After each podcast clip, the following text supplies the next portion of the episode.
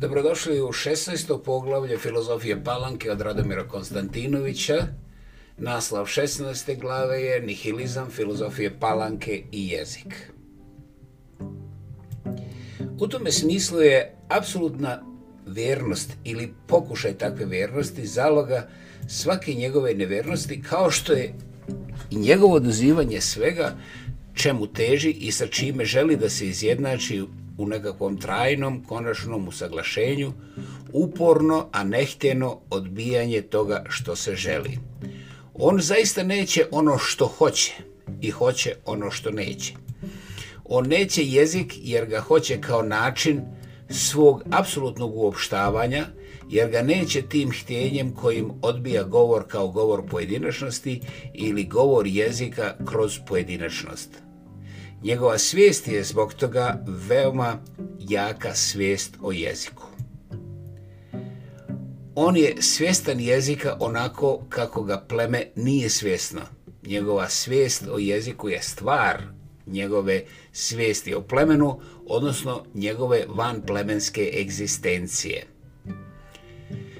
Kao što ga pokušaj vjernosti vječnom danu plemena vodi iznevjeravanju tog plemena njegovom iracionalizacijom, tako se njegova jezikotvorna strast i energija mogu da nađu samo na liniji odbijanja jezičkih sposobnosti u pokušaju da se jezik onesposobljavanjem osposobi za plemen.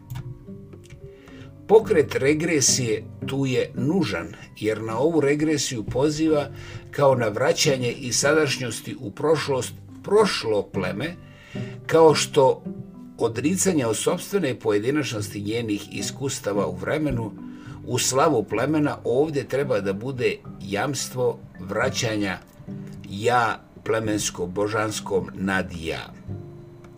Nasilje koje je ovdje nužno jeste nasilje nad iskustvom vremena, ali u samom tom vremenu. Poricanje vremena je poricanje koje je pretpostavka svakog izrazitijeg stava duha palanke, a prije svega stava njegove stvarnosti u smislu empirijskog racionalizma u ime stvarnosti koja se kao apsolutna, dakle van vremena, prost, prost, protivstavlja vremenu, oprostite, vodeći poricanju ne samo vremena, već i same stvarnosti koja je izvan vremena, samo nestvarnost ništavila. Vjernost stvarnom kao idealno konačnom i nadvremenom jeste vjernost neželjena ništavilu tako da je primitivni empirizam i racionalizam dosežno smislenog u tu dosežnu smislenost zatvorenog svijeta u funkciji ništavila i njegove iracionalnosti što se izražava na najraznovrsnije načine, a pre svega ili možda najizrazitije stavom prema jeziku.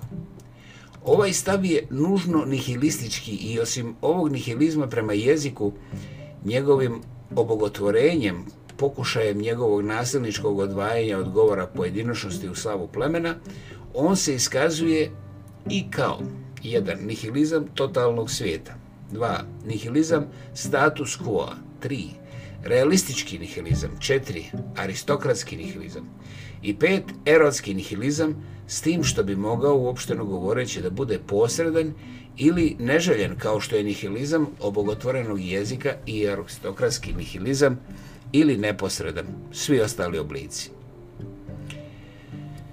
E, sada dolazimo na nihilizam totalnog svijeta. Je prapočetni nihilizam prema jeziku i izražavanju uopšte duha Balanke i zbog toga je on prevashodno idealan. U svojoj osnovi on je duboko plemenski, vrijeme je pobjeđeno trajenjem svijeta. Nema mrtvih jer oni govore kroz mene i kao ja, moje ja je ja mrtvih ja sam mrtav, izgovoren prije nego što sam bio, napor stvaranja je prošao, svijet je zatvoren, izbačen izvan vremenskog toka i time izbačen izvan jezika. Bezvremeno zatvorenog svijeta koji traje izražava se kao njegova bezjezičnost više nego kao njegova bezizraznost. Zahtjev za izrazom minimalan je kao i slobodan dio moga ja, utopljenog u ovu totalnost svijeta otetog od vremena. Taj slobodni dio moga ja jeste izvor gorčine, ali koja nikad ne prelazi prag tihog i sasvim pasivnog očajanja. Svijet je potonuo u težinu svoje materijalnosti, svijet je svijet inercije, Svijest moja je svijest o toj inerciji, svijest s vremena na vrijeme, prožeta tugom zbog toga, ali tugom koja u mojoj totalizovanosti, u mojoj bezličnosti nikad ne može doći do pobune zbog mog odsustva. Ja sam poreknut, ali ja sam isklonjen u ono što me je poreklo, u moj, ne moj totalni svijet. Mene on roditeljski familijarno čuva tako što me poništava. Nema šta da se kaže jer nema šta, nema ko da kaže. Ja sam izrečen, izgovoren prije sebe samog. Jezik je moj jezik mrtvih koji se obnavlja kroz mene poništavajući me onoliko koliko i ja poništavam njih, tonući u njihov duhovni prostor. Nihilizam status quo je izraziti nihilizam duha palanke, u njegovoj stvarnosti prema jeziku. Duh palanke odvaja se od plemenskog duha kao duha totalnosti. Dekadencija duha totalnosti omogućava svijest o prošlosti koja je istovremeno i svijest o vremenu, o načelu smrti, istorijska svijest i sa njom svijest o pojedinačnosti koja vodi svijesti o jeziku ili jezičnom naponu i to u dva pravca, da se jezikom otkrivenim sa otkrivanjem vremena, jezikom čija je svijest svijest o vremenu, prevlada ova svijest sa grižom savjesti zbog nje koja podsjeća na grižu savjesti bludnog sina upućenog svom roditeljskom domu, kući mrtvih, u u pokušaju da se ponovo vrati njima, da se njihovim jezikom sa njima izjednači i u pravcu upravo suprotnom ovome da se jezikom kao prirodnom funkcijom vremenske pojedinačnosti uspostavi ova pojedinačnost u odnosu na mrtvi i živi svijet. Ako paradoksalni napor da se jezikom kao bitno vremenskim jemstvom i oblikom vremena uspostavi van vremena totalnost, neizbježno vodi nihilizmu prema jeziku kao prirodno nemoćnom da uspostavi ovu totalnost, pa duh u kajanju zbog svog otpadništva, zbog svoje rasjepljenosti svješću o vremenu i time nejedinstvenosti svijeta pada u nihilizam prema jeziku, odričući mu svaku višu smislenost, volja za jezičkim tvoraštvom pojedinačnog, inače pod jakim pritiskom ovog kajanja i neprestanog straha zbog svog prestupništva, stiže do nihilističkog odnosa prema jeziku stidom od prerano ličnog ispoljavanja kao od javnog sramotnog samoobnaživanja. Ovaj stid od pretjerano ličnog je oblik straha od ličnog koji se međutim hoće, pa se zato jezik istovremeno i hoće i odbija. Ovaj jezik je uvijek ličan sadržajem onoga što kazuje i racionalnim stavom govornika koji je najčešće ispovjednik, on je čak sadržajem izraz naglašene težnje ka pojedinačnosti koja se najčešće izražava kao težnja za iskrenošću. Svojim bićem, međutim, ovaj jezik odbija svaku izrazitiju osobenost. On je strogo normativni jezik svih i čak on kao da je utoliko više ukoliko je napor ka iskrenosti u sadržaju veći. Ova iskrenost upravo vodi normativnosti jezika i ovu normativnost podržava. Kao iskreno se osjeća samo ono što je prirodno, a prirodno je za ovu svijest na putu ka svojoj pojedinačnosti samo ono što je opšte, što je posvećeno svetom i u šta je taj svijet ugrađen. Ukoliko iskrenost u nameri služi mogućem odstupanju od opštega, normiranog, pa time i od samog obrazca svijeta, najavljujući mogućnost njegove promjene tim što najavljuje jedan po kakvoći drugačiji stav, ova iskrenost u svom ispoljavanju, u svojoj praksi koja je praksa jezička, protivriječi bez nade na savlađivanje ovog riječa, svakom oslobođenju od normativnog i to ovim vođenjem prirodnom kao samom normativnom jeziku, pa time i normativnom u svijetu. Ovaj prirodni jezik koji izražava pojedinačnost stava, poništava tu pojedinačnost u samom biću egzistencije, koje je jezikotvorno biće i koje uronjeno u prirodni jezik jeste još uvijek normativno, uopšteno i kao takvo ne prima pojedinačnost osuđujući je samo na sferu stava svijesti na izrazito racionalni površinski sloj bića.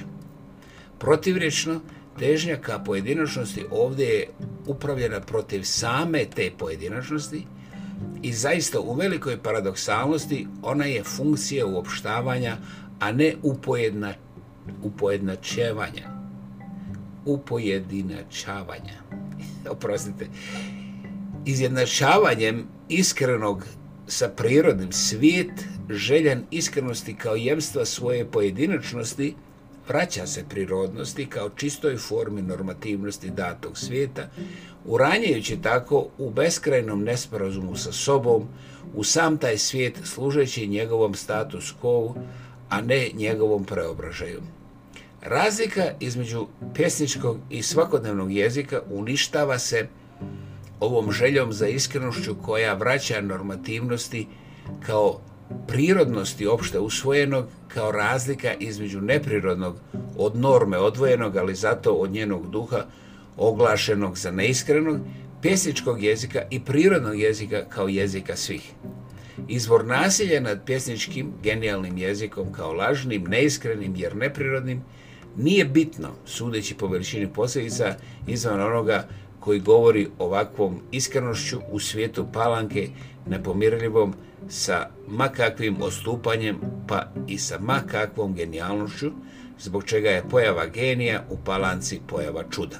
Nego je taj izvor u samom subjektu ovakvog govora kroz koji govori duh normativnog jezika i normativnog svijeta, duh status quo van ličnosti ličnog. Između ovog jezika koji je opšti i posvećenje u opštost i egzistencije subjekta koji sebe kroz taj jezik uzaludno traži, uopštavajući se tim više što odlučnije teži samom sebi, vlada razri, razdiruće protivriječe koje je zajamčeno upravo iskrenošću kao jezikom prirodnosti opšteg. Nemoć jezika koja se ovdje proglašava motiv neizrecivosti najričnijeg svojstva egzistencije javljaju se u pokušaju prividnog prevazilaženja, a ne i stvarnog ovog protivriječa između egzistencije i jezika ili kao odbrana pred zahtjevima i optužbama same egzistencije, potrebite da se kaže jer potrebite da se zaista bude. Pokušaj da se jezik po svaku cijenu, a u okvirima njegove suštinske prirodnosti, ipak učini pjesnički neprirodnim, pojačava nihilistički stav prema jeziku jer je strogo formalan.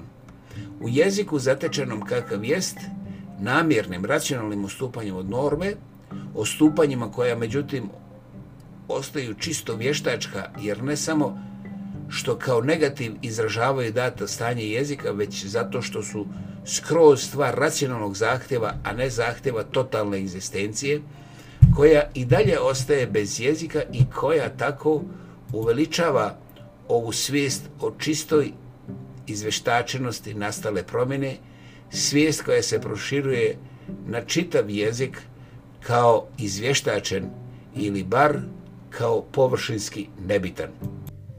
Realistički nihilizam je nihilizam obogovljene stvarnosti. Načelo stvarnosti je načelo apsolutne istine koja nije samo izvan subjekta, već je, bivajući izvan njega i nepomirljiva sa njime, duboko protivna svemu subjektivnom. Jezik nije pokušaj samonalaženja subjekta u stvarnosti, već je pokušaj govora stvarnog kao čistog obezličavanja onoga ko govori, ko ovim obezličavanjem govoreći treba sebe da porekne, a ne sebe da kaže da bi kroz njegovu samo poreknutost progovorila stvar. Nihilizam dosljedno realističnog stava je nihilizam protiv subjektivnog jezika ili nihilizam žrtvovanja subjekta jeziku koji je s ovim idealnim žrtvovanjem nepomirljiv. Rđava savjest koja se negdje ovdje javlja jeste jedan rđava savjest pred egzistencijom koja se potiskuje i odbija kao subjektivna egzistencija i dva, rđava savjest pred stvarnošću koja uza sav napor samo odricanja i samo subjekta ostaje uvijek božanski na polju, ne dajući se subjektu onako kako mu se ne daju Bog i božanstvenost i izazivajući u njemu osjećaj sobstvene krivice, nedostojnosti, kajanja, isto onako kako to izazivaju Bog i božanstvenost. Kao što se božansko daje samo u svjetlosti rđave savesti, tako se i ova stvarnost kao najviša i posljednja istina koja od nas traži da joj se priklonimo, spaljujući sve odviše, lič, odviše lično njoj protivrečno i kojoj mi stremimo u želji za izmirenjem sa njom, kao samom pramajkom, kao sa blaženstvom pravoga prasvijeta, koji je svijet u saglašenosti, mira, sve ispunjenosti i sve prisustva, svega u svemu, tako se i stvarnost kao vrhovno istinita i jedino istinita daje isključivo u ovoj istoj svjetlosti rđave savjesti. Ova rđava savjest je savjest o protivriječju stvari i riječi, istine kao stvarnosti i jezika, svijest koja se neprestano umnožava i koja se okreće protiv jezika, Ništa manje nego što to čini mistički stav na koji način se ovaj dosljedni realizam, makoliko racionalno protivan svakog misticizmu, otkriva upravo kao misticizam, nihilistički stav prema jeziku, kao nedovoljnom, ali i nužno nedostojnom obogovljene i zato nedostižne stvarnosti, svojstven mističkom iskustvu, istovremeno je svojstven i ovom iskustvu dosjednog realizma i otkriva taj realizam kao formalno stvarnosti, a u suštini iracionalno mistički jer je u službi stvarnosti kao takvoj koja je iznad subjekta i njegovog govora i također izvan njega. Ova nedostižna istina opkoljena svojom neizrecivošću ostavlja nam samo haos svojih pojavnosti, gomilu mrtvih stvari koje nijedan jezički napor ne može da sistematizuje tako da bi iz nje ponovo uspostavio ovu istinu. Ja imam samo taj razjedinjeni svijet stvari, onako kao što imam riječi za njih, ali ne i govor za samu stvarnost. Ne postoji govor idealne stvarnosti, u njenom punom jedinstvu sa mnom i u tom smislu ne postoji uopšte govor, postoje samo riječi onako kako za mene postoje u ovom razbijenom jedinstvu svjetske stvarnosti, jedinstvene jer jedinstveno istinite, samo stvari umjesto te stvarnosti. Svijest je ovdje neizbježno religijska svijest o razjedinjenosti koja je moja sadašnjost ili crna budućnost već dogođena jednog prošlog jedinstva koje je prošlo ne samo po imperativu duha palanke za trajanjem i poricanjem smrti, već je prošlo samim tim što sada nije, a što mora da bude, pa zbog toga, a sada nije, mora da je jednom bila. Jedinstvo bivše, a sad nedostižno, u uzaludnim mukama jezičnog bića javlja se upravo kroz te muke, kroz svijest o ovoj nemoći jezika da ga dostigne, kao jeziku oprečno jedinstvo i zbog toga opet religijski kao čuteće jedinstvo ili jedinstvo u čutanju. Samo nenađenost govori. Nađenost je potpuna samoispunjenost, savršenstvo koje ne govori jer u svojoj ostvarenosti nema kuda da se više govorom upućuje. Govor je govor iz nedovoljnosti, razjedinjenosti, ka dovoljnosti, jedinstvu. Postojanje riječi jeste dokaz nepostojanja jedinstva, a govor je samo svijest o tome. Stvarnost koja ne može biti stvarnija, jer je ispunjena, nema veće ili manje stvarnosti, ne govori, već govorim samo ja izvan stvarnosti koji govorom dakle ne ulazim u nju, nego samo bivam neprestano osvešćivan da sam izvan nje, pa čak i kao da se tim govorom, tim vezama riječi koje se drže kao vještačke, samo još više udaljujem od nje. Jezik koji je proizvoljna veza zato što ništa stvarno ne povezuje, već povezuje samo sebe samog, riječ drvo nikad neće postati drvo, kao što riječ istine nikad neće postati i sama istina. Stvarnost, dakle, ako me je pozvala da govorim ovim svojim izuzimanjem od riječi, kao da me je pozvala samo zato da bih došao do pogune protiv riječi, tim prije što je ona stvarnost uvijek isto kao banalnog i banalno inertnog, usled zatvorenosti ove stvarnosti koja isključuje svaki pokret pa i jezik koji je sam sobom pokret i to pre svega preobražavanjem datog.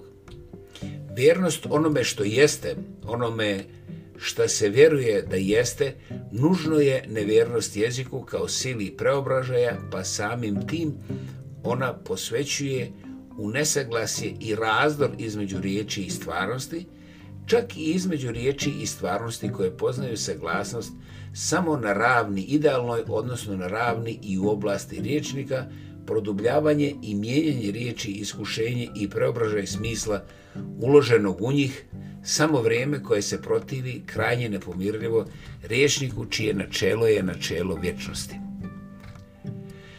Odbijanje jezika u stavu njegovog obezrađivanja jeste odbijanje u ime jedan stvarnosti kao nadlične, apsolutne istine koja je sa jezikom nepomirljiva zbog svega ličnog u jeziku, zbog nemogućnosti da jezik koji polazi od opštosti i podrazumijeva uopštavanje ukine činioca ličnog, nužnog njemu kao onoga što se odnosi prema opštem i što jemči jezičku djelatnost kao djelatnost lično opšteg i opšte ličnog zatim to je odbijanje i dva, u ime stvarnosti kao bezvremene i protivremene jer vječne i u tom smislu nepomirljive sa jezikom kao bitno vremenim jer bitno pokretnim kao akcijom pokreta od prolaznog ka trajnog i od trajnog ka prolaznom kroz prolazno, ali i trajno lično i najzad to je odbijanje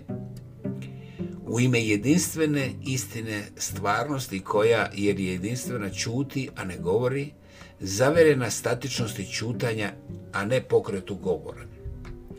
Riječi usamljene u svojoj pojedinačnosti savršeno odgovarajućih pojedinačnosti onoga kojih izgovara, ko ne stiže do svoje subjektivnosti, jesu netvoračke riječi. Jedan zato što nisu stvarnost i čak stvari i dva, zato što u opštenju sa njom ne stvara jezik stvarnosti, već stvarnost treba da, kao gotova, data pre jezika stvori i taj jezik. Jezik nije pokret kao što ni duh pojedinačnosti nije pokret, kao što ni apsolutna stvarnost to nije. Ona je samo gomila znakova čija adekvatnost stvarnosti, međutim, propada onog časa kada se ti znakovi stave u pokret govora načelno neadekvatan nepokretu apsolutizovane stvarnosti. Prezir prema jeziku nađen je u ime idealne vjernosti stvarnosti, ali tako što tu idealnu vjernost prikazuje kao čisto religijsko mističku. To je paradoksalni ateistički misticizam ili, još paradoksalniji, realistički misticizam ili ne manje paradoksalan misticizam naivnog realizma i primitivnog empirizma, odbijajući svaki misticizam u ime apsolutno stvarnog, nalaze misticizam upravo u samom tom apsolutno stvarnom kao apsolutnom, u sebi zatvorenom, nesaznajnom i zato neizgovorljivom nadjam. Krajnja ishodišna posljedica dosljedno realističnog i dosljedno racionalističko-empirijskog stava filozofije Palanke jeste ovaj ateistički misticizam zasnovan na iskustvu neprimjenljivosti jer neizgovorljivosti ovoga stava. Duh Palanke kao prvashodni duh banalnosti, trajanja kroz ponavljanje uvijek istog ili kao duh prevashodno banalnog ništavila upoznaje sebe kao duh koji vodi mističkom nihilizmu prema jeziku, kao duh misticizma banalnosti u tom smislu što bi obogovljena, u sebe zatvorena i uvijek ista stvarnost banalnošću kao svešću o sebi, o svojoj nepokretnosti i nepromjenljivosti, uvodila ovom svešću u antijezički stav. Banalnost ne govori. To da je sve uvijek isto, da promjene nema, niti smije da je bude, jeste uvod u negovoreće ravnoduše, u bezjezičku letargičnost i pasivnost izvan zasebnog bića, a s tim i uvod u prepuštanje čutanju kao govoru istine koja je istina po sebi i za sebe bez nas po svojoj unutrašnjoj logici koja se ne može ali i ne smije da promijeni. Ovo prepuštanje stvari svijeta samom svijetu, koji je svijet na svoj način, na način svoje stvarne istine kao svoje istinske stvarnosti, savršeno slobodno i čak ravnodušno se odnoseći prema mojoj volji, pa čak i bez ikakvog odnosa sa tom voljom u gluvilu i slepilu apsolutnog kao božanskog, jeste prepuštanje čutanju koje teži također svoje apsolutnosti, a po meri adekvacije mojoj apsolutnoj nepitanosti od božanske istine, božanske istine, prostite, dakle čutanju, ne samo u jeziku, već i u mišljenju koje neodvojivo od jezika jeste uzaludno, onako kako je uzaludan i sam jezik. Jezik je tako osuđen samo na donje sfere naše, našeg svakodnevno utilitarnog, praktističkog, a ne samo praktičnog duha. On je stvar čistog opštenja, samo jedna društvena funkcija, pa i tu svetu, pa i tu u svetu palanke kao u strogo nominiranom svijetu, a ne funkcija saznanja. Nihilistički odnos prema jeziku ponavlja nihilistički odnos prema mišljenju. Mišljenje je uzaludno jer je nestvarno.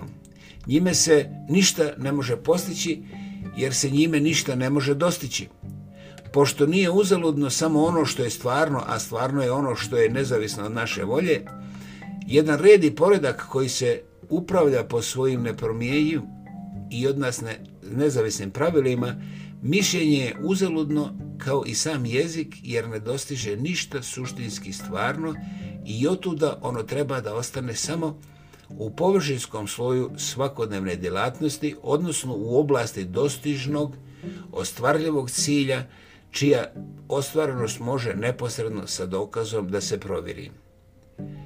Duh trajanja kao sami osnovni duh duha palanke jeste čiftinski po ovoj praktičnosti koja se ne rađa samo u sferi socijalne poslovnosti, iako je nužno i razumljivo njome moćno određen, već se isto tako rađa i u nedostižnosti realističkog stava, realističke svijesti, kao čista posljedica njegove nemoći da posvećen samo stvarnom, ne obogovi stvarnost i samim tim ne učini suvišnim i praznim sve što ovo božanstvo stvarnosti ne može da dostigne, da posjeduje, a pre svega mišljenje i jezik mišljenja. Čiftinstvo je tako debeli jedan dio svijeta kojem vlada načelo pojedinačnosti, a ne načelo tvoračke subjektivnosti u neprestanim sukovima tih pojedinačnosti, pojedinačnosti kojima se, međutim, slavi, podržava i produžava zatvoreno svijeta, tim veća što je dublje lišena subjektivnosti koja je iskušenje otvorenog, smrtno-historijskog, svjetski preobražavalačkog i dva, dijelo ovog realizma ne samo kao vjernosti postojećem, nego i ovom mentalnom iskustvu nepromjenljivosti koje zbog toga neizrecivosti obogobljeno stvarnog iskustvu koje posvećuje u deziluziju, u gledanje svog posla, u trezvenu pamet čija trezvena se oličava u odricanju od nemogućem nemogućeg kao u čistom posvećivanju u moguće, u njegov zatvoreni krug i u njegovu površnost gdje se izvodljivo poslovno iscrpljuje svu energiju tijela i duha, izvjesno uvijek sa tihom, tihim očajanjem u pogruženosti jednog jasnog stava uniženja, nepitanosti, ali s time i stavu cinizma paloganđela, koji je kroz granično gorčinu koji gorčinu razočaranja zbog sobstvene nemoći digao ruke od mješanja u stvari koje ga se ne tiču, prepuštajući se svom snagom u zamjenu za to izgubljeno pravo stvarima koje zavise od njega. nebitan u svijetu apsolutne istine, pokrenut u njemu kao u višem svom svijetu koji nikad neće stići, na što ga upućuje njegova realistička trezvenost, on je istovremeno i slobodan od svake odgovornosti. Ako mehanika istine funkcioniše mimo njegove volje, ako je ona slobodna od njega i on je slobodan od odgovornosti, nijedan njegov čin nije značajan. On može da bude u činu slobodan i ovakav i onakav, Njegova bezobzirnost, njegovo sebeljublje nezamišljivi su bez ove deziluzije, bez ovog osvjedočavanja u sobstvenu neupitnost u stvarima svijeta. Ukoliko je ova svijest o nepitanosti dublja, utoliko je i ova bezobzirnost veća, ali utoliko je jezik više biva jedna nebitna stvar jer se njime ništa stvarno ne postiže. Nedostižna stvarnost je nedostižno jedinstvo. Ona je upućivanje u izgubljenost jedinstva, ali i moguće upućivanje u stvarnost tog izgubljenog jedinstva kao stvarnost svijeta razvijenih, usamljenih pojedinačnosti između kojih nema nikakvog saglazja, pa tako, i nikakvog stvarnog jezika, ali nema ni napora koji ka tome jeziku, jer nema napora ka toj stvarnosti kao nedostižnoj. Dostižno stvarno je negovoreće stvarno i ništa manje nego što je nedostižna stvarnost negovoreća stvarnost. Dostižno stvarno svakodnevnog empirizma koji zna šta se može učiniti, dokle se može stići, je projekcija zatvoreno stvarnog ili stvarnog kao isključivo zatvorenog, ali je i projekcija ove nedostižne stvarnosti, njena obrnuta projekcija, Ukoliko je apsolutna stvarnost nedostižnija, utoliko je imperativnije dostižno stvarno. Ovo dostižno stvarno je svijest predstava u sferi djelatnosti, u sferi volje, naivnog realizma i empirizma o nedostižnoj stvarnosti. Ono je čisti izraz te nedostižne stvarnosti. Dostižno stvarno je ovakva svijest o nedostižnoj stvarnosti, ali i svojevrsni odgovor te same svijesti sebi samoj kao odgovor nedostižnoj stvarnosti ili tačnije njenoj nedostižljivosti. Odgovor gorko-ironičkog povjerenja sa sobstvenom nemoći izraz prihvatanja sudbine sobstvene nemoći. Duh čiftinstva, malog svijeta dejstva i malog duha urojenog do kraja u taj svijet, jeste duh obespravljene volje koja, ukoliko je više svjesna svoje obespravljenosti sa većom nepomirljivošću sebe, nameće tamo gdje je određena moguća djelatnost u oblasti ovog dostižno stvarnog. Duh čiftinstva je duh pojedinošnosti nađene u zamjenu za traženi, a nenađeni svijet jedinstva, onako kako je njegova pojava uvijek izraz nemogućnosti anđela jedinstva, duh palog anđela koji se prepuštanjem dostižno stvarnom, upoznavanjem snage svoje volje pokrenute od nedostižne stvarnosti jedinstva, ironički, samo ironički prepušta sobstvenoj moći u svijetu svoje izgranosti koji je svijet tim više neobavezan ukoliko je više svijet ovog izgnanstva, utoliko je manje svijet božanstvene istine, istine jedinstvene stvarnosti. Ovom čiftinstvu koje je bitno realističko, realističko, banalno i netvoračko prethodi ideal apsolutnog jedinstva i pomirenosti svega sa svakim u njemu kao u vrhovnom skladu onako kako svijetu palanačkog individualizma, a ne subjektivnog turaštva, prethodi svijet plemenskog kolektivizma.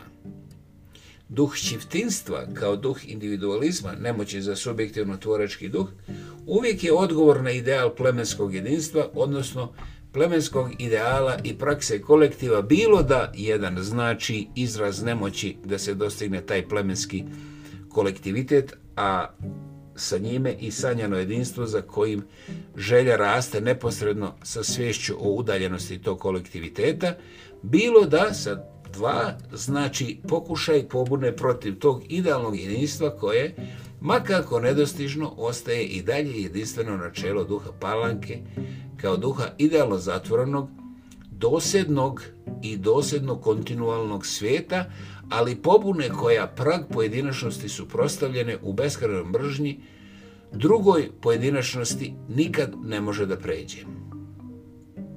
Ako duh šiftinstva može da bude i ovaj duh otpadništva od duha palanke kao duha jedinstva, pokušaj odmetništva od toga duha u pravcu individualizma, on je uvijek i tim stavom negaci, negacije jedinstva moguć samo u svijetu zatvorene palanke i u sferi u kojoj načelo jedinstva kome se on suprostavlja još uvijek važi jer omogućava samo to suprostavljanje.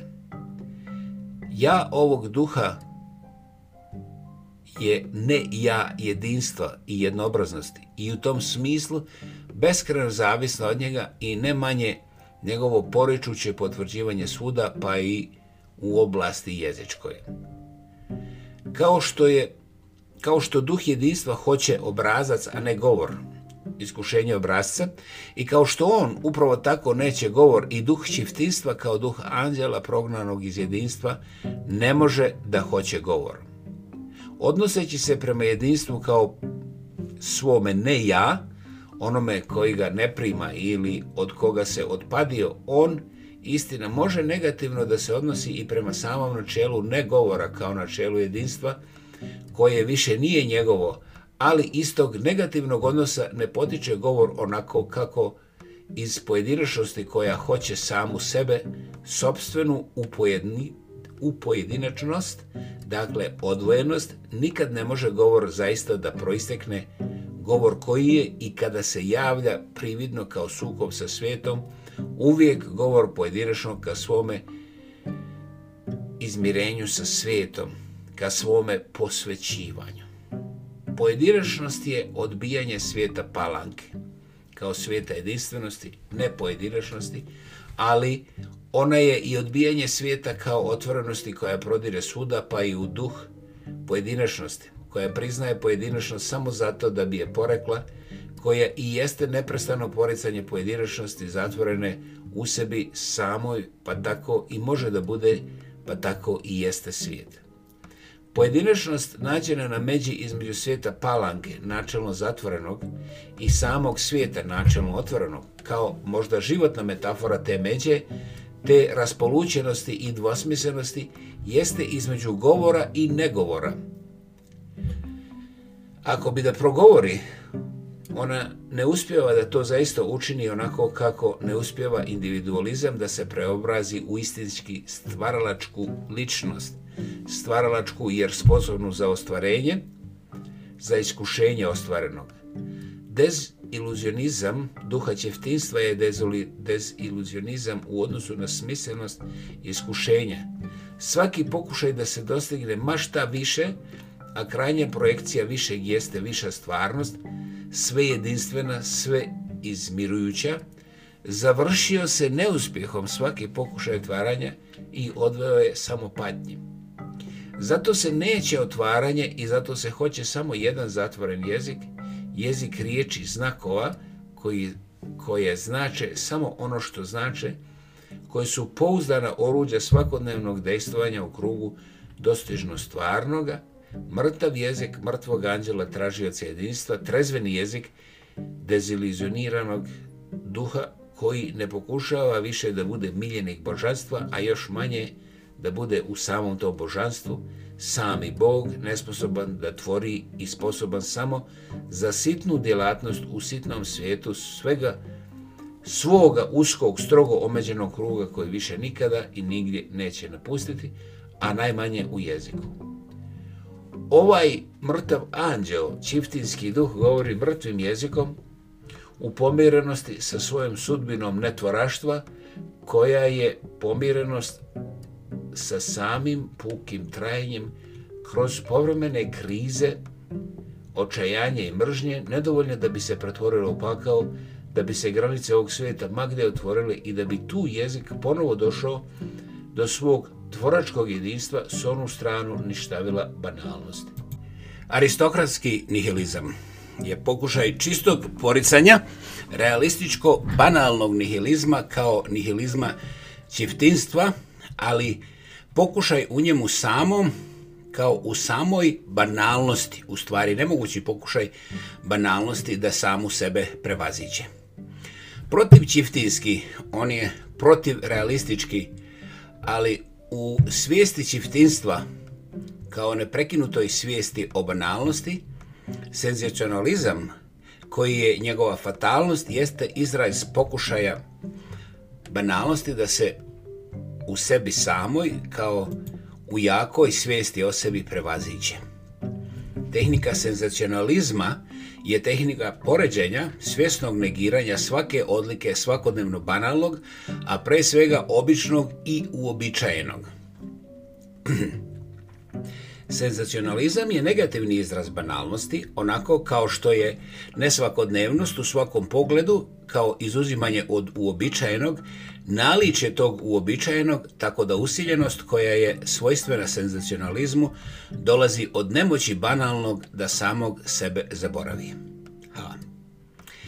Usiljenost senzacionalizma je tako pamćenje banalnog u njemu samom, pokušaj da se veštačkim sredstvima banalno emancipuje od sebe, sredstvima koja traže spolja jer ih nema u samom biću banalnog ne govor banalnog, kao govor strogo normativno prirodan, ovdje se traži u kultivisanju riječi pa i govora uopšte, ali u tom smislu što se u riječi i govoru vidi vrijednost posebi u toliko više što je ona u ovome ovdje produženom duhu banalnosti tuđa. I riječ i govor su jedna stvar koja ne dolazi iz negovorećeg banalnog bića i u toliko više jedna forma koja zahtjeva punu volju i koja se osjeća prije svega kao dostupna voljnom naporu svijesti. Onako kako banalnost obesmišljava, ubija riječ i govor ili kako obogovljena stvarnost, stvarnost čija je banalnost posljedica posljednja posljedica, znači izuzeće stvarnosti od riječi, tako ovdje u ovoj nemoći banalnosti da se veštački, prepuštanjem senzaciji, obogovi u samoj sebi, riječ koja ostaje nesvojstvena ovoj senzacionalnoj banalnosti, nužno biva izuzeta od stvarnosti. Ona je jedna van stvarna i nadstvarna riječ, tim prije što je mogućnost volje u svijetu stvarnosti pokrenuta i tim poticanjem gurnuta u dostižno stvarno, u moguće čiftinstva. Odnosno, što je dublje i neporečenije dostižno stvarno, bezjezičko i vanjezičko. Volja u svijetu poreknuta kao da pokušava da nađe svoje zadovoljenje, ispunjenje u jeziku, jer svijet za nju nije svijet jezika, niti jezik jezik svijeta, već kao što svijet znači u praksi od realizma do čeftinstva banalnosti i od realističkog ateističkog misticizma obogovljene stvarnosti do čutanja poslovnog duha čeftinstva, jedno poricanje jezika i više jedno odvajanje od njega potpunu nezavisnost. Tu se živi bez riječi. Tako ovdje u krizi banalnosti, u čisto banalnom senzacionalizmu, riječ je ne samo odvajanje od stvarnosti, već i mogućnost za zasnivanje jednog novog života i jedne nove svijesti koja bi nadmoćno nad riječju uspjela da od nje, oprostite, da od nje stvori po svojoj volji sobstveno carstvo.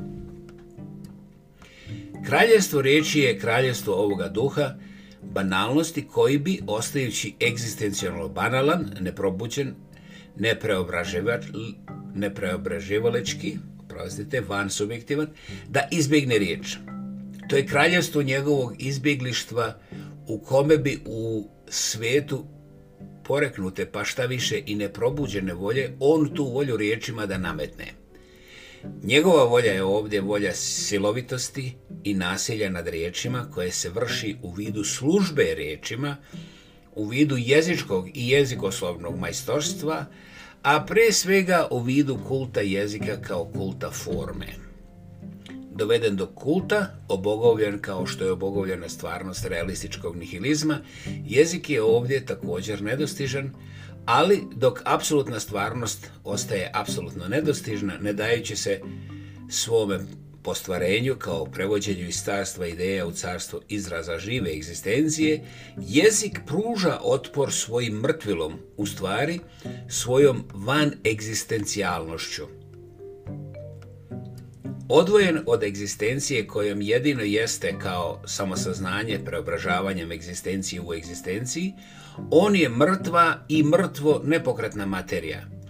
Jezik rječnika također, jezik gramatički, ali ne i jezik sintaksički. Kultivisan u ovoj nasilničkoj službi njemu, on je jezik riječi, a ne jezik rečenice, onako kako je subjekt koji njemu pokušava da služi, namećući mu, namećući mu u stvari svoju volju, subjekt izvan stvarno egzistencijalnog procesa. Odsustvo ovog stvarnog egzistencijalnog toka je jemstvo odsustva rečenice. Sintaksička nemoć ovog jezika razbijenog na riječi kao na usamljene monade jeste egzistencijalno sintaksička nemoć bića, tako da se ova nemoć bića, da se pokrene iz mrtvila banalnosti i da u jeziku nađe ono što u egzistenciji ne nalazi, osjeća kao nemoć samog jezika. Jezik je proizvoljan jer je van subjektivnost, nezasnovana subjektivnost, proizvoljna zamjenljiva.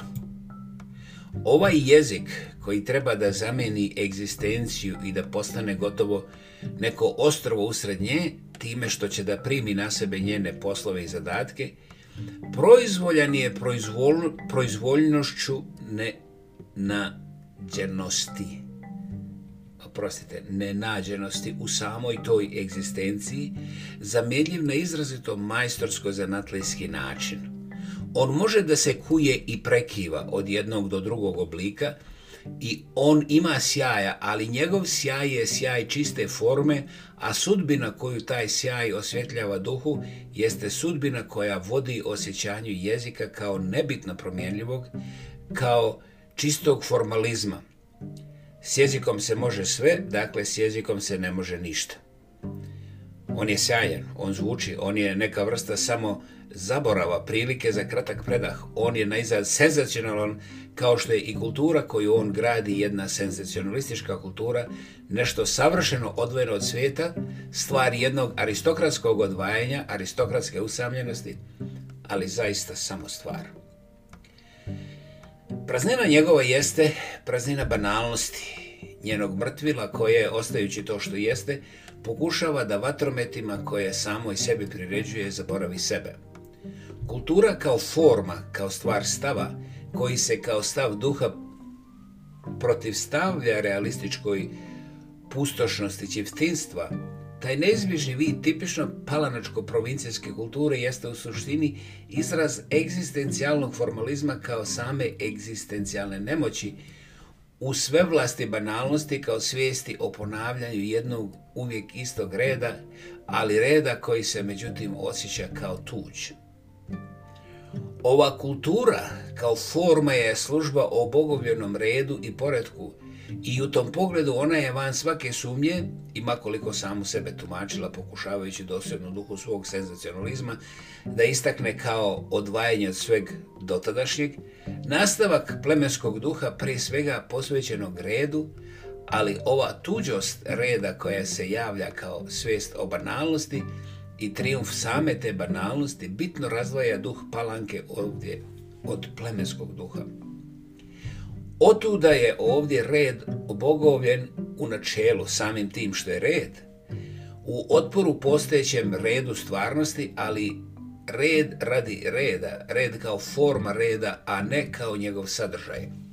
Riječi su riječi reda bez sadržaja i utoliko svjesnije sebe, izvaredno naglašene i izvaredno usamljene, pošto nema sadržaja reda kao sadržaja subjekta koji se rečenicom otkriva samom sebi, nema volje koja može da se odupre njihovoj gordoj usamljenosti i da ove riječi poveže u cjelinu jedinstvenog zamaha. One su ostrva usred jedne rijeke bez toka, jedne prividne reke. Nihilizam ove kulture kao forme, stila, stava, racionalizacije svega u taj stil i stav, jeste porijeklom iz ovog posvećivanja formalnosti jezika, pa time i u njegov formalizam koji nije ništa drugo nego lekcija o njegovoj nebitnosti. I pet, erotski nihilizam je možda svojstven svakom nihilističkom stavu prema jeziku samim tim što svaki stav podrazumijeva neizbježno iskustvo neživotnosti i jalovosti egzistencije onemogućene samim onemogućavanjem tvoraštva. Besplodnost u sebe zatvorenog svijeta palanke oličava se u jedinstvenom doživljaju oskudice kržljavosti bića. Ako reč nije ni stvarnost ni stvar, već jedna zamjenljiva forma od nebitnog značaja za egzistenciju koja ostaje van jezička jer je van subjektivna, ona je još manje tijelo. Ukoliko se jezik koji u palanačkom kultu forme kao tipičnom kultu duha posvećenog idealu zatvorenog svijeta osjeća kao formalan, površinski, utoliko se produbljuje osjećanje da sve stvarno ne govori. Ne dakle samo istina koja je neiskaziva, ali i neopisiva. Ona kao nadjezička stvarnost i ne samo stvar koja riječi protiv riječi, onako u ostalom kao kako protiv riječi svakom dosljednom empirizmu. Empirizam nikad nije jezikotvoran, već i tijelo koje ostaje negdje ispod ili izvan jezika. Bez obličje tijela rađa se, kao senzacija, upravo u ovom kultu forme, onako kako se moć sveg iracionalnog rađa upravo u praksi racionalizma kulta forme. Van obično, obličnost tijela, ponovit ću, van obličnost tijela koje se ne daje nikakvom racionalizovanju u određeni oblik i koje u tom smislu izgleda zaverenički noćno u odnosu na makakvu djelatnost uobličavanja, jeste ovdje i van jezičnost tijela tijelo gori, ono ne govori. Ukoliko je praksa racionalizacije svega dublja, utoliko je dublji osjećaj i racionalnosti tijela i ove njegove nejezičnosti, utoliko više ova riječ forma, riječ znak, izvan žive egzistencije intenzivnije doziva tijelo izvan jezika i utoliko više se stvarnost tijela suprostavlja stvarnosti jezika, pa se zbog toga u tijelu neminovno traži spas od kulučenja u jeziku. Erotizam sa svojim iracionalizmom jeste obećanje spasenja od jezika, pokušaj uspostavljanja neke egzistencije bez jezika, neke čiste, apsolutno prirodne egzistencije koja će na krilima Erosovim da nas vrati u prirodu. Kultura je naše otpađenje od prirode jer je kultivisanje životinje koja se tim kultivisanjem u stvari samo doziva, koji se sanja spasonosni povratak.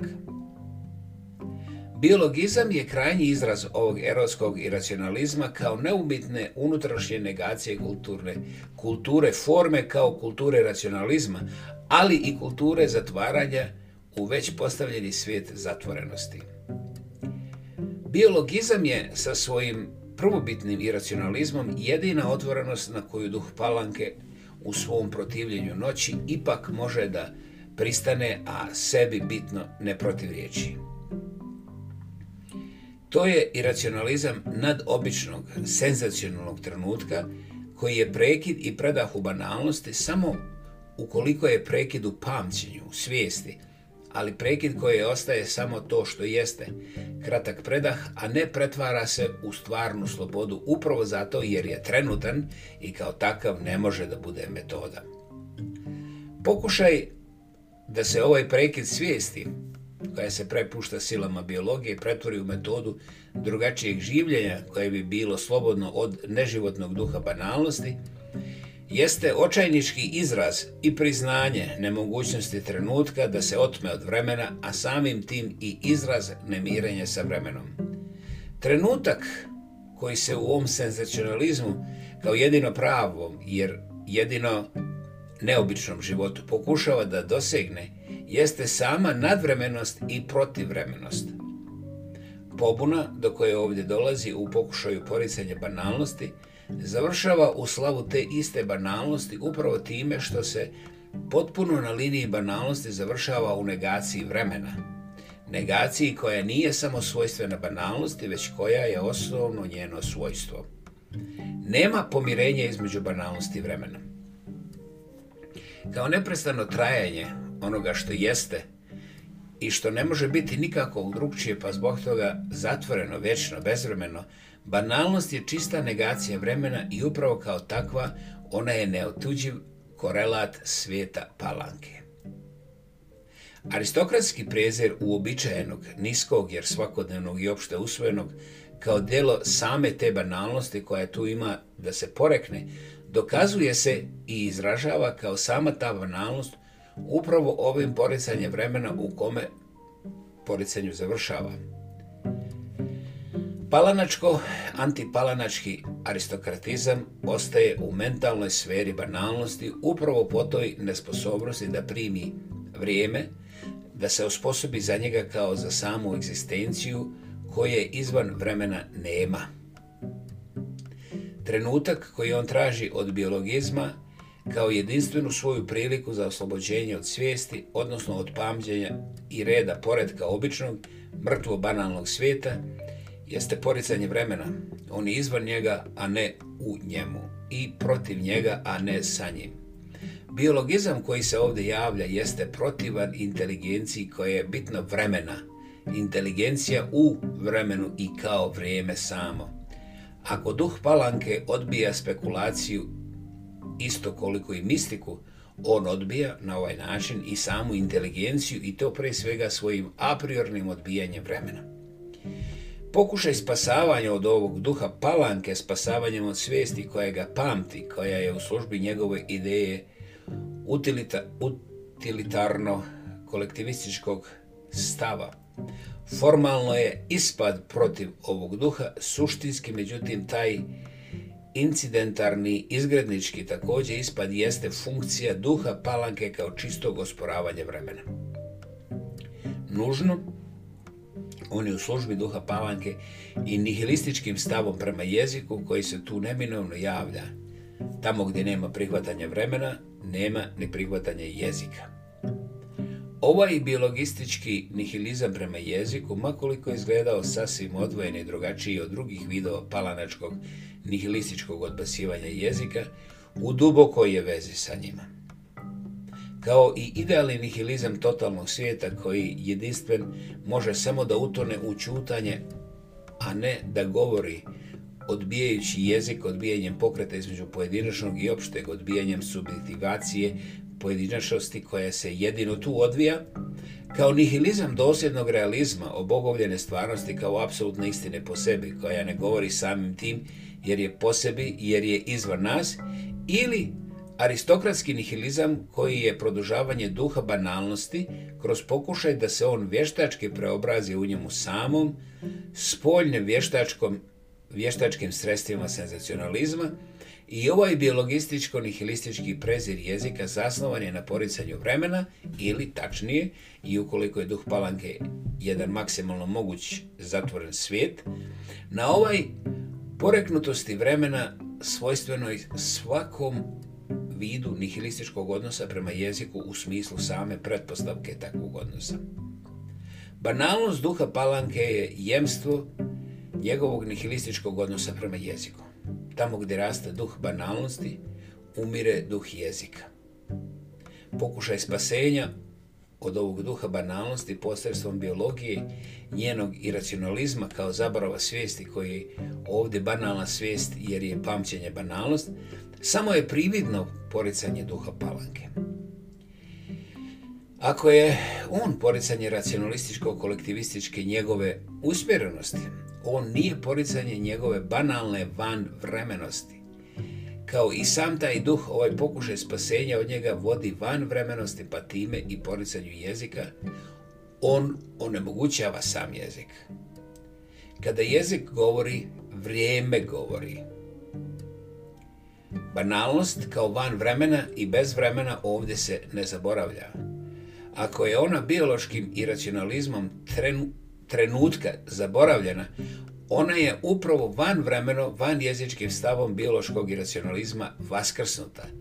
Jezik tu može da bude samo banalan jer mrtav jezik sveden na prostu ulogu prelaska od jednog do drugog trenutka biološke senzacije koja je senzacija obogovljenog životinjstva. Prezir jezika ovdje je prezir od strane životinje koja zna da govori, ali koja ne živi govorom, koja ne samo što ima iskustva da može bez njega, već i stremi povratku unatrag ka predgovornom, apsolutno životinskom stanju i to tako što agoniju jezika osjeća kao rađanje čistog životinjstva. Jezik se svodi na najosnovnije, najneophodnije riječi i izraze. On se sažima u samom sebi jednom koncentracijom čiji krajnji ishod, kada bi bio ostvarljiv, znači čutanje. Riječ je sve više nosila značenja, a ne rečenica, dok se pokret javlja sve češće da zamijeni ulogu rečenice, prije svega glagola, i da poveže riječi. Pokret tjelesni kao glagol pokret jeste Umiranje glagolske preciznosti, ali time ne samo preciznosti rečenice, već i preciznosti njenog subjekta, nužno, to je umiranje subjekta koji je rečenički subjekt, jer je njegovo ostvarenje nemoguće izvan rečenice. Ako jezik treba nešto da ispriča, on se prepušta mucanju, a još češće on se gubi u izrazima osjećajne reakcije na priču pripovedača. Ovo prepuštanje osjećajnoj reakciji u pripovjedanju jeste također sredstvo razbijanja priče koja je uvijek krajnje uprošćena. Ako se riječ prepliče sa pokretom glagolom, to je i zbog toga što pokret među riječima, između dvije riječi, sve više sebe otkriva i nameće kao mogući jezik, kao nemi jezik biologije. Artikulacija koja se ovdje jedva stremi svedena je na najmanju, na najmanju moguću mjeru samim tim što se artikulacija i ne želi, već jedan čisti pokret koji ne bi bio pokret nekog subjekta, onog subjekta što je subjekt artikulisanjem, već koji bi sam po sebi bio subjekt iznad svakog živog subjekta, subjekt iznad subjektivnosti i van subjektivnosti biološkog svijeta. Ovaj pokret svojstva rečenice rečeničnog subjekta kao subjekta jezikotvorne egzistencije i egzistencijalno tvornog jezika kao da ovdje želi da se zameni pokretom van subjektivne tjelesnosti. Tijelo prodire u prostor jezika kao u bivše svoje kraljevstvo u kome je svemoćno vladalo u pred jezičkom stanju, pred subjektivnog svijeta pre čovečanstva. Povratak unatrag ovdje je nesumnjiv jeste povratak od jezika ka tijelu, u stvari od vremenskog pokreta jezika ka pokretu van vremeno i racionalno biološke tjelesnosti koje ne poznaje vrijeme onako kako ne poznaje subjektivnost jer ne poznaje sjećanje.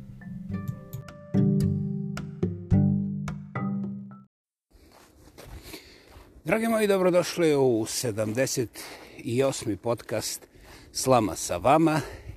Ja pa ja, a ko bi drugi, Vladimir kreće ispod predivnih stjenovitih planina.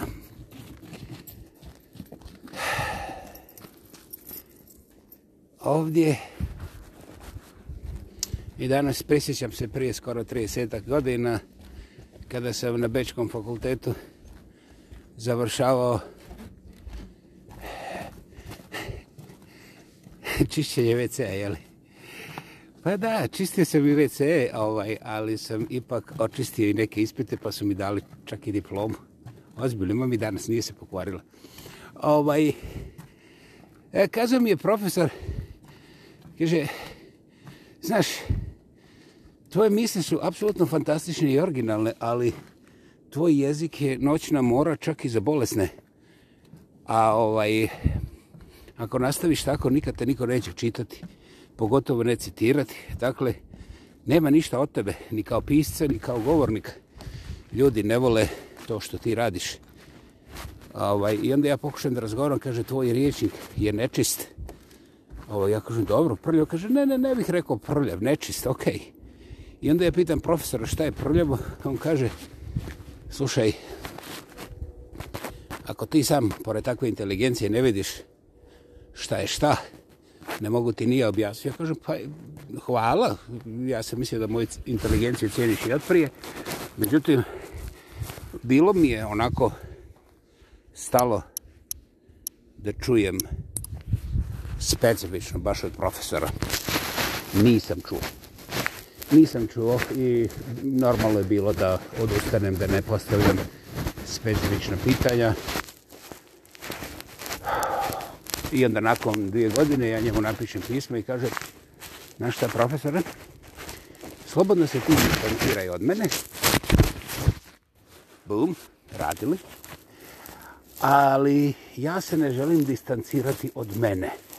Ovaj, jer ja nisam pokret, nisam politička partija, još manje sam institucije bilo kakvog smisla, eh, sadržaja ili forme. Dakle, jebeš ga, ja pa ja. Svi drugi to rade, ako kodaču nešto drugo, međutim, ja neću da kodačem, nego ću da brbljam i bit će, brate, vrlo glasno, ja pa ja, ako drugi. Eto. Profesor, naravno, profesorski nije odgovorio na to, jer to je negdje u nekom mraku duboko ispod profesorskih vitina i ja to naravno nisam nikad zaboravio sa namjerom da sebe ne uskratim još jednog pogleda na ono što uradim. Naime, otkrije sam da moje uvjerenje u moju vlastitu rečenicu je potpuno čisto, iskreno i 100% na čvrstom tlu. Onda napravim dva kruga okolo, popijem čašu vode, pogledam istu moju rečenicu i jok, primijetim fali slova, fali riječ. Onda se desi da ne fali ni jedno, ali kompletna rečenica je falila i nije ni u kakvoj vezi sa onim što sam ja mislio.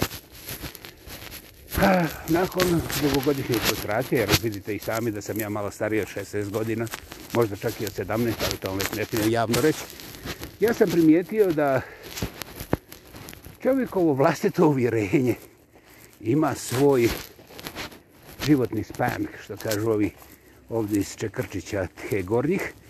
I ovaj, vrlo je lako moguće. Najbolji primjer je da čovjek koji se osokoli gucne dvije, tri rakice više da kaže da prodaje svoju kuću za 15 dolara. Jer taj isti čovjek dođe na da ubio ovoga koji je dao 150 dolara, bio je tu, čuo je ponudu pa je odmah reagirao. To je ovako malo groteskno, ali svima, vam je jasno o čemu se radi. Molio bih da ovaj princip ne zaboravite, jer on doista vlada univerzumom i zato se, po mojoj proklamaciji, naziva univerzalnim. Možda i po vašoj pravilu. Ok, Dakle, jezik kako se upakuje. Dakle, ako ima celofana, onda je brank, brank o ili kramp, svejedno. Ako nema celofana, onda je a govno, šta, šta se me pitao. Dakle, kao što vidite, i najmoćniji među nama, a ovaj, svoju dioptriju i optiku šilje na celofanu. Ima li celofana ili nema li celofana? Kod mene, gospodo, nema celofana jer kada ono što malo čak pomenuta, sad neću da ponavljam, kada uzmete to ha, čovno pa ga zamotate u celofan, ono ne odustaje da se širi, ne odustaje da smrdi i znaš šta?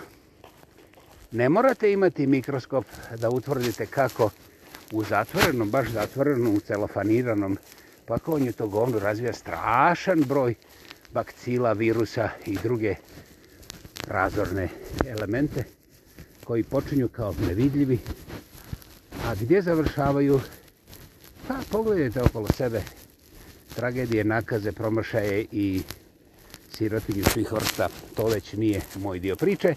A današnji dio priče je malo seksa da mi januarski led smekša. Naime, ne želim da vas posjećam šta čitate ovih dana. Danas je jeli 20. januarija 2021. Ovaj, neki ljudi se igraju sa helikopterima, neki se igraju... Dobro, ne bih sad išao u detalje. I meni je danas prvo palo na pamet 96 eh, intelektualno i poslovno zrelih i uspješnih žena je tužilo ovoga gospodina koji je vozio se malo okolo iznad Washingtona sa helikopterom jutro rano i svih 96 je proglašeno onim riječima kojima ja neće dati šansu ovdje na mome blogu. 96 žena je otešlo do najviših sudova, najveće demokracije na svijetu, da bi ih jedan dripac obrisao jer ja sam gospodin predsjednik. Jel vam jasno? You are fired. Ok? I... Vi ste fake. Vi ste svi fake ovaj, što se tiče mojih metoda, ja sam seljačina. Ja sam jedna, jedna velika nepopravljiva seljačina i molim vas svi vi koji ne volite seljačine, slobodno idite ovaj, u pravcu koji vam odgovara. Vi koji ste ostali, moram da vam kažem naglas, pa čak i onima koji su otišli, meni je žao što moji seljački elementi nisu doživjeli priliku da tome svemoćnom, svepometnom koji je vlasnik istine i života i karaktera i svega šta god zamisli da mu pljuciknem ravno u facu, onako u oko. Može levo, a može desno. Centristički ne može. Ništa nije centrirano. Čak i njegove okice, ali da mu pljucaknem u oko jer onda mora da trepne, znaš. Jer ne da čovjek toliko dugo laže, da nije trapno, može se kada ga pogodi. Dakle, te žene su danas 20. januara 2021. godine potpuno zaposlene. Mislim, pokažite mi u kojim novinama, u kojoj javnost ima bilo šta od toga doslovce užasa koji je on njima radio i uvijek postoji neki prizvuk, znaš ono, kao, znaš, imaju one, imaju one, znaš, ono što on nema, znaš, među nogama, valjda, i to, to je garan dokaz, to je garan dokaz. Mislim, čovjek se branio, ali čovječe kad su one šetale, pa onda žive su, pa su onda bile tu pri ruci, pa šta ti očekuješ, mislim, on je bio isprovociran. I ovaj, mislim, sva sreća što on nije recimo kao onaj Schwarzenegger, da može izdržati 5 sati. Ali uglavnom on stvarno nije zaslužio nikakve kazne jer on izdrži 5 do 7 sekundi i onda se ove bune nešto, mislim, nije ih čak ni pogrebo, mislim, tragično. Eto, to je naša matematika, to je mjera demokršćanske časti. I ovaj, meni je jedino drago što neću nikad se naći oči u oči sa tih 96 žena, bilo kojom od njih, jer jebeš ga. Morao bi im reći da je gospodin Kramp u pravu, jer on jest nevin.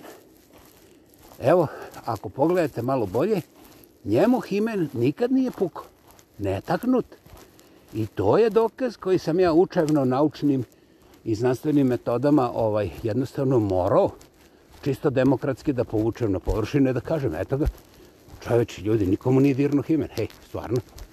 I vjerovatno te ženske samo lažu jer kad vide tako lijepog mladog zilijardera, onda ona samo hoće, njima se otvori, znaš, i gornja i donja, ono, mislim, halapaće i gadran to.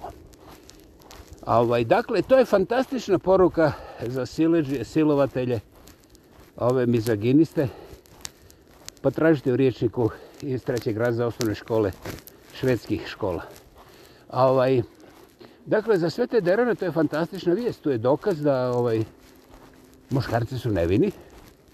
Nijednom muškarcu nikad hime nije pukao. E, e, e.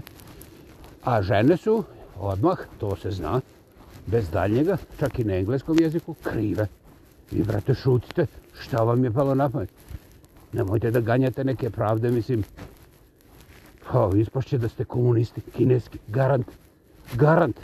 Sve žene koje kažu da su silovene, to su kineski komunisti. Znaš, jer oni vole taj samoprc, znaš, oni vole sami sebe na razne načine, jeli, prcnuti. Ovaj, inače, da nisu takvi mazohisti, oni bi imali kapitalizam. Ali pošto kapitalizam prta samo druge, a ne sam sebe, onda su, eto ga, vrlo jednostavno, te ženske koje se bune kontra silovanja, one su kinijski, jer komunizam samo prta sebe, kad jednog dana prestane da se maltretira i da bude mazohistički, onda će, brate, prckati druge i bit će debel i bogat i Uvijek će biti u pravu. Nije tužno što vidim. ja ne bih koristio riječ katastrofično, ali sasvim sigurno razorno za generacije. Ja ne znam šta roditelji ovaj, imaju u glavi, ali očekivanje da institucije i državni zakoni budu konstanta u životu roditelja i u životu djeteta je ispod nakazna, ispod nakazni standard kojim se uništava i najmanja šansa za neki racionalni, realni ljudski napredak, prije svega napredak ljudskog kritičkog mišljenja koje je uvijek rijeka koja teče znači dinamički na svim utjecajima ne samo okoline nego i svoje nutrine. I doista ne može nikad biti identično jednaka ili identično konstantna gledajući kroz vrijeme, ali i kroz prostor. Dakle, dragi moji roditelji, ako vi prešućujete ovakve užase, u ime toga što deran ima svoj helikopter da se vozika okolo nekih tamo gradova pod zaštitom ne znam koliko ziliona naoruženih razno raznih, onda ste vi, pogledajte se u svoje ogledalo, ne u moralno, ovo obično ogledalo, i pitajte sebe šta ste, šta ste djeci objasnili. Ja naravno neću ništa jer ste me tužiti da ja propovidam malo čas spomenuti komunizam koji sam ja dokazao da pripada ovima koji tuže predsjednike za silovanje jer to nije silovanje, to je bilo milovanje, trajalo je duže od 5 sekundi kraće od 10 sekundi, dakle totalno izmišljeno u svrhu širenja kineskog komunizma. Svi znamo, eto, odrađeno. Dakle, to je vrlo zanimljiva stvar, međutim, čitam da se sa balkanjičkih prostora neki ugledni ljudi pojavljuju nakon 10, 20, 30 godina kao akteri vrlo podmuklih, prljavih nasilničkih radnji u tom području međunožja i odmah da skratimo. Ja ne želim raspravljati puno, ali distinkcija između seksa i nasilja je nešto što nas u školi nisu naučili. Ja bih tu potegao pitanje ovih niskozemskih i njemačkih eh, sex workers, to se kaže, ovaj, to su ovi drugarici koje daju te tjelesne usluge pod okriljem nekih posebnih eh, institucija koje su uglavnom obilježene pazje vraga crvenim, znači kineskim elementima. Ovaj, šta je znam, hoćete Frankfurt, hoćete Amsterdam, pa onda redom sva ta mjesta. I u području tih mjesta ovaj element nasilja u tim djelatničkim uslugama međunožnim je prilično jasan čak i ovim studentima psihologije, psihijatrije, seksologije, onda sociološke fenomenologije i tako ima toga, znaš, to, to glupi njemci, oni se čačkaju toga, mislim, mi znamo sve, ne moramo to. Interesantno je da mi, ponosno mi najbolji ovaj, prčci, ne cvrci, nego pršci od prc, prc, prc, znači najbolji prčci Balkana ovaj, su najbolji u svijetu.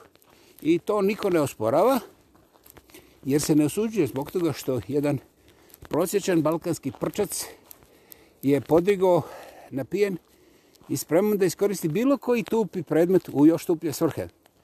Dakle, njemu se ne usudi ni njegov rođeni brat reći da je on promašaj, a ne prčac. Ovaj, kada dođe do tih međugačnih, ovaj, međunožnih aktivnosti. Zbog toga mi pojma nemamo koliko je naših djevojaka i žena zaposleno kao ovaj službenice u tim crvenim prokineskim radnjama diljem Europe, naglašavam Frankfurt, Amsterdam, Pariz, a onda imaju luke, ima gdje god hoćeš. I recimo ako bih vam ja rekao da u ovom momentu mi imamo izvezeno tih drugarica po nekim proračunima ozbiljnih izvora, to vam neću govoriti dakle izlačim jer ne postoji broj koji ja pomenem koji vi nećete znati da je pogrešan, tako da mi je to drago, ali o tome niste nikad razmišljali, to mi je žao. To mi je žao jer ne možete se sjetiti kad ste zadnji put razmišljali koliko je naših djevojaka i žena zaposleno u tim intimno uslugovnim firmama diljem svijeta. Naglašavam posebno Europa jer tu ih je najviše, ali Boga mi i u drugim područjima svijeta, tako da se ne bi su. Dakle, gospodo, podvite rep i poslušajte. Postoje brojke koje su vrlo interesantne, vrlo moćne, i indikacije govori kako god okrenete nije manje od pola miliona, jeste te ono pet, pa onda nula nula, pa onda još tri nula. Pet stotina tisuća hiljada. E, tako. To je najmanji broj. I ovaj, znaš šta je najgore? Najgore je što je najmanje 300 tisuća hiljada od tih 500, koje su inače minimalna procjena e, kroz ove multiple izvore, jeli, više izvora da, ovih, da najmanje 300 tisuća od njih ne radi ništa drugo, da od toga živi. Um, daljnji presjeci su apsolutno, e, rekli bi ovi u Albani, mind boggling, ovaj, uh, šta te drugarice rade i tako dalje. Ono o čemu ne treba nikome dokazivati ništa je kada dođu recimo su neke super bogate takve drugarice ovaj, pa se pokažu dole sa svojim jahtama ili sa svojim avionima ili sa svojim podmornicama, ne znam sa čim već, onda se one slave kao uspješne. Ovaj, a vrlo je jasno i one same govore da se nikad nisu udale ni iz kakve ljubavi, nego ovaj, poradi međunožnih aktivnosti koje su, jeli, ovaj, mislim, dobro plasirane na pravu adresu. Eto, to to. Dakle,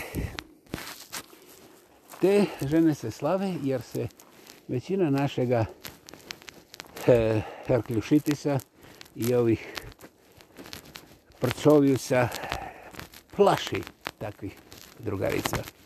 Znaš, jer one imaju veći taj organ za prikupljanje novca i onda što je sve sukladno autoritarističkom modelu ponašanja pojedinca. Dakle, i društva. Dakle, u takvoj jadu i bijedi mi imamo silovanje koje je u nekoj obrazovnoj ustanovi radio neko dulji period i sad se jedna mala dušica okuražila da kaže šta je se desilo i onda počinju priče relativiteta. Znate, gospodo, tu je ona priča kad me neko pita vjeruješ u Boga ili ne vjeruješ. Evo, ja vidim iz ovoga postavljanja kontrapitanja toj drugarici kao šta je nosila toga dana, znaš, koliko je puta mrnula, prdnula i šta je znam. Upravo to pokazuje tu distinkciju seksa i nasilja. Mi imamo nasilje koje je počelo u porodici, u familiji, pa čak i u obitelji. Dakle, imaš to među nogama, tebi može puknuti himen, a gospodinu, ovome prčinju, njemu ne može puknuti himen, znači ti si kriva prije što izađeš iz kuće. I ovdje bih ja završio. Ja neću dalje da idem u detalje i neću ni slučajno.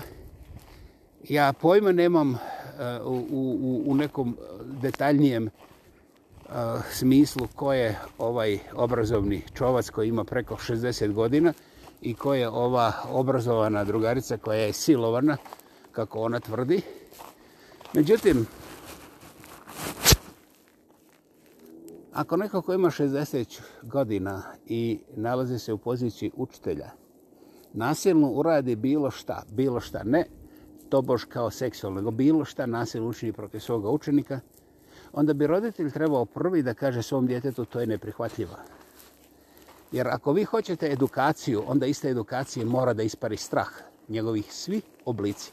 Ja ću to ponoviti, gospodo, jer to će vam uzeti još barem deset generacija i dva rata dok dođete do toga ali strah mora da ispari, jer znate, strah pojede mozgovne kapacitete koji bi trebali biti iskorišteni za širenje u intelektualnom smislu.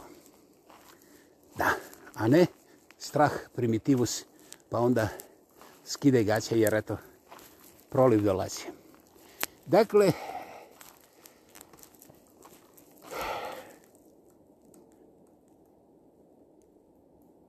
da udahnem, meni je drago što ja mogu dahnuti čistoga zraka, što nisam ni blizu.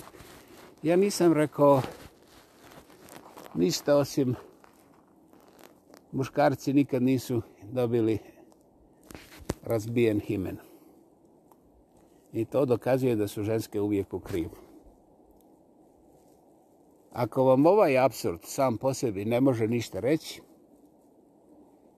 znaš, ne bih vam nije rekao kako izgleda pogledati u oči svoju majku, svoju sestru, svoju suprugu. Znate, jednom običnom normalnom čovjeku je neopisivo teško i svakom od tih ljudi je unikatno teško, što mi ne možemo držati. To isto kao dva porođaja. Apsolutno su različiti, iako se dešava ista stvar. Tako isto i u tom strahu, da bi jedna osoba kroz svu tu šumu mogućnosti izašla vani i progovorila nakon takvog jednog šoka, nakon takvog jednog nasilja za koje ne znamo kakve su posljedice, jer još uvijek znanost nije završila ništa od tih postulata, ali sasvim sigurno znamo da je nasilje nasilje. Kao požar. Jednostavno, za vrijeme požara ne cvjetaju ruže. A ako cvjetaju, u sekundi isparavaju. Dakle, na isti način, Strah i nasilje se nikad ne mogu nazvati ničim seksualnim. I ne mogu se raspravljati sa seksualnim rječnikom ko je ovaj, ko je onaj. Možemo samo da govorimo o sili i nasilju. A velika razlika postoji između snage i sile. Znate, snaga šuti i kaže narod tihe brege valja. A sila vrišti uvijek joj treba dušman. Uvijek čak i kad ga nema ni za nanjušiti. I sila uvijek se hrani od gledališta. To je nasilje. Dakle, vi ste gledalište. Pokušajte razmišljati šta je sila, šta je snaga.